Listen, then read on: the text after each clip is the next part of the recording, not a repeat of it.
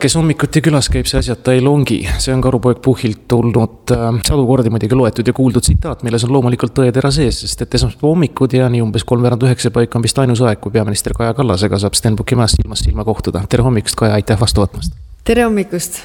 Nendel äh, ärevatel aegadel on käimisi loomulikult palju, teie külaskäik eelmisel nädalal lõpus Brüsselisse NATO Euroopa Liidu tippkohtumisele, kas oli asjata käik või mitte? sõnumid, mida sai edastatud loomulikult taaskord tervele maailmale, võib-olla liitlasigi otsitud juurde, aga sõnumid, mis sealt vastu põrkusid ja peegeldusid uudiste näol, ei olnud päris need, mida me kuulda tahtsime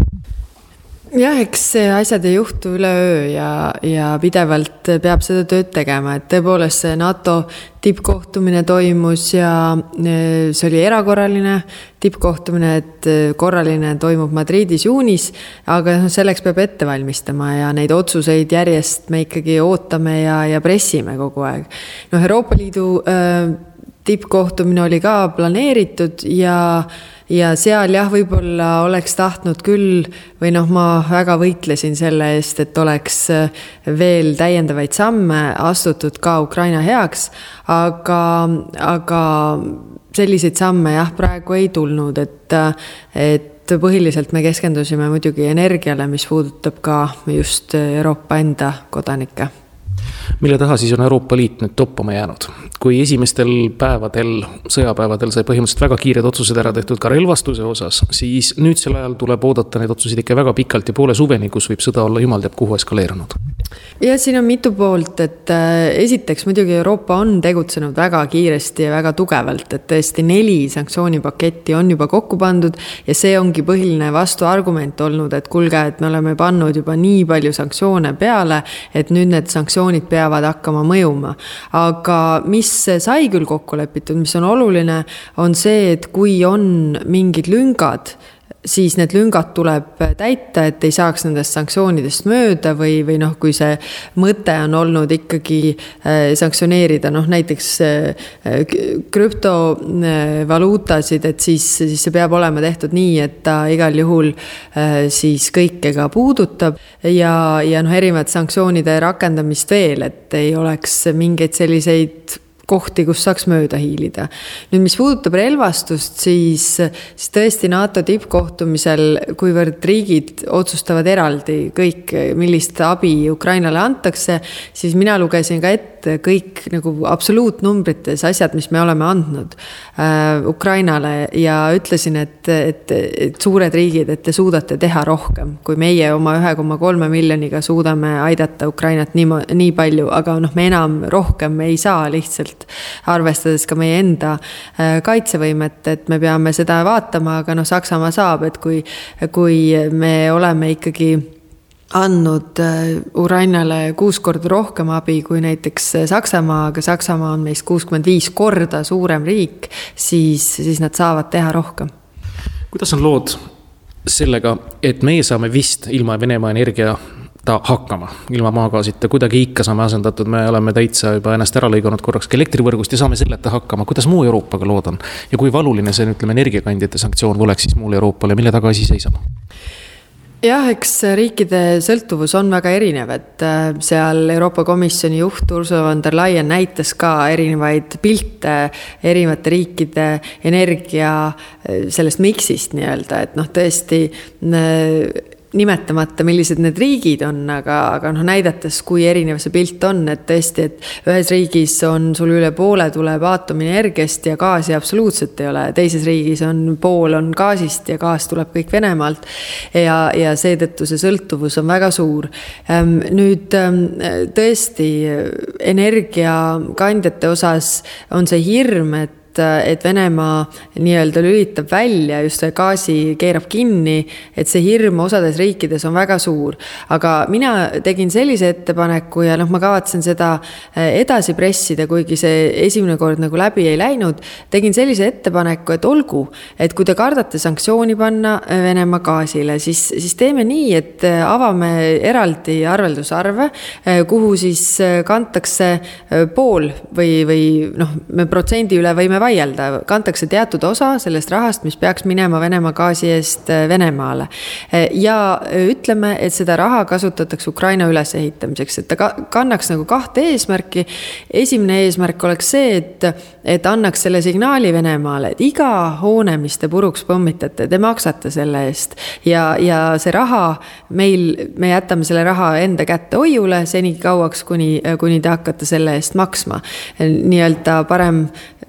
varblane pihus kui tuvi katusel. ja, ja teine pool on, on noh, see, et ta tegelikult nagu mõjuks, eks ole, sanktsioonina ka, et ei, et me maksame, aga me maksame sinna sellepärast, et see on teie kohustus, mida te peate lõpuks kandma. ja, ja noh, seal juba pooled olid juba kaasa tulemas selle mõttega, et see on hea mõte. ja, ja eks seda peab siis eraldi edasi suruma, sest et minu arvates see hirm, et Venemaa keerab gaasi kinni, on alusetu, kuna pool pool Venemaa eelarvest tuleb gaasi ja õli müügist, ehk siis seda on ka neil endal vaja. ja teiseks on see, et see on torugaas, ehk siis sa saad seda gaasi müüa ainult nendele, kellega sa oled ühendatud toru kaudu. ja ka Venemaal on vaja seda siis gaasi müüa. nii et ja, ja kolmandaks, kui Venemaa oleks tahtnud, oleks ta selle juba kinni keeranud, sest et kuu aega on see sõda käinud. ja, ja noh, neid hirme jah, tuleb maha võtta, aga, aga tõesti, praegu on oluline, et ähm, et ei läheks ikkagi silme eest see, et me absoluutselt ei aktsepteeri äh, Putini äh, käitumist ja ei saa olla mingit sellist olukorda, et ta jälle laua taha nii-öelda tagasi tuleb sõja kolmekümne kolmas või kolmekümne neljas päev on käimas ja pole kuulda olnud nüüd rahvusvahelise diplomaatia pingutustest ehk siis kõnelustest. Teil on võib-olla infot kindlasti natukene rohkem selles eos, et kus me täna oleme kõik ütlevad seda, et lõpuks on see ikkagi Ukraina otsus, mida proovivad erinevad suurriigid teha, on vahendada Zelenskõi ja Putini kõnelusi. et, et nad saaksid kokkuleppele, aga lõpuks on ikkagi Ukraina see, kes peab otsustama, et, et noh, Ukrainat ei tohiks kuidagi survestada. kui me vaatame avaliku arvamuse uuringuid Ukrainas, siis eh, valdav enamus üle, üle kaheksakümne protsendi, ligi üheksakümmend protsenti on arvamusel, et Ukraina on seda võit, seda sõda kindlalt võitmas või, või eh, pigem kindlalt võitmas. ja samamoodi on kuskil üheksakümmend protsenti inimestest, kes ütleb, et, et Zelenskõi ei tohiks teha mitte ühtegi järeleandmist, mis puudutab eh, siis noh, näiteks seda, et Venemaa ei vii oma vägesid välja Donbassi Donbassist ja Krimmist. ja noh, see on väga keeruline positsioon, et samal ajal ta on riigijuht, kes näeb, kuidas tema tsiviilelanikke äh, tapetakse, tema linnasid äh, hävitatakse ja ta tahab seda kõike lõpetada, aga lõpuks on see tõesti Ukraina enda otsus. ja ta on öelnud ju seda, et ta paneb selle rahvahääletusele, noh, et võtta endalt seda pinget nagu maha no igapäevaselt esineb ka Zelenskõi üleskutsetega, mitte ainult tema, vaid tema valitsuskabineti liikmed ka noh, palvetega NATO poole, küll sõjalist abi, küll lennukeelutsooni kehtestada, ma saan aru, et Eesti ja idatiib on tema poolel. kelle taga siis asi seisab ja miks on NATO nõnda kõhkleval seisukohal või isegi päris eitaval seisukohal? Sellel põhjusel, et NATO on kaitseallianss, NATO on mõeldud äh, nende riikide, kes on NATO-s kaitsmiseks, mitte ründamiseks. Äh, noh, lennukeelutsooni kehtestamisel on, äh, noh, seda on tehtud kolm korda.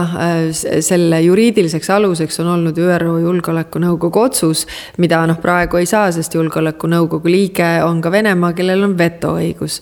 aga äh, ja, ja mis see tähendaks, tähendaks ka õhukaitsesüsteemide äh, puruks pommitamist. nüüd, kui eelmine nädal äh, ütles Medvedjev, loetles üles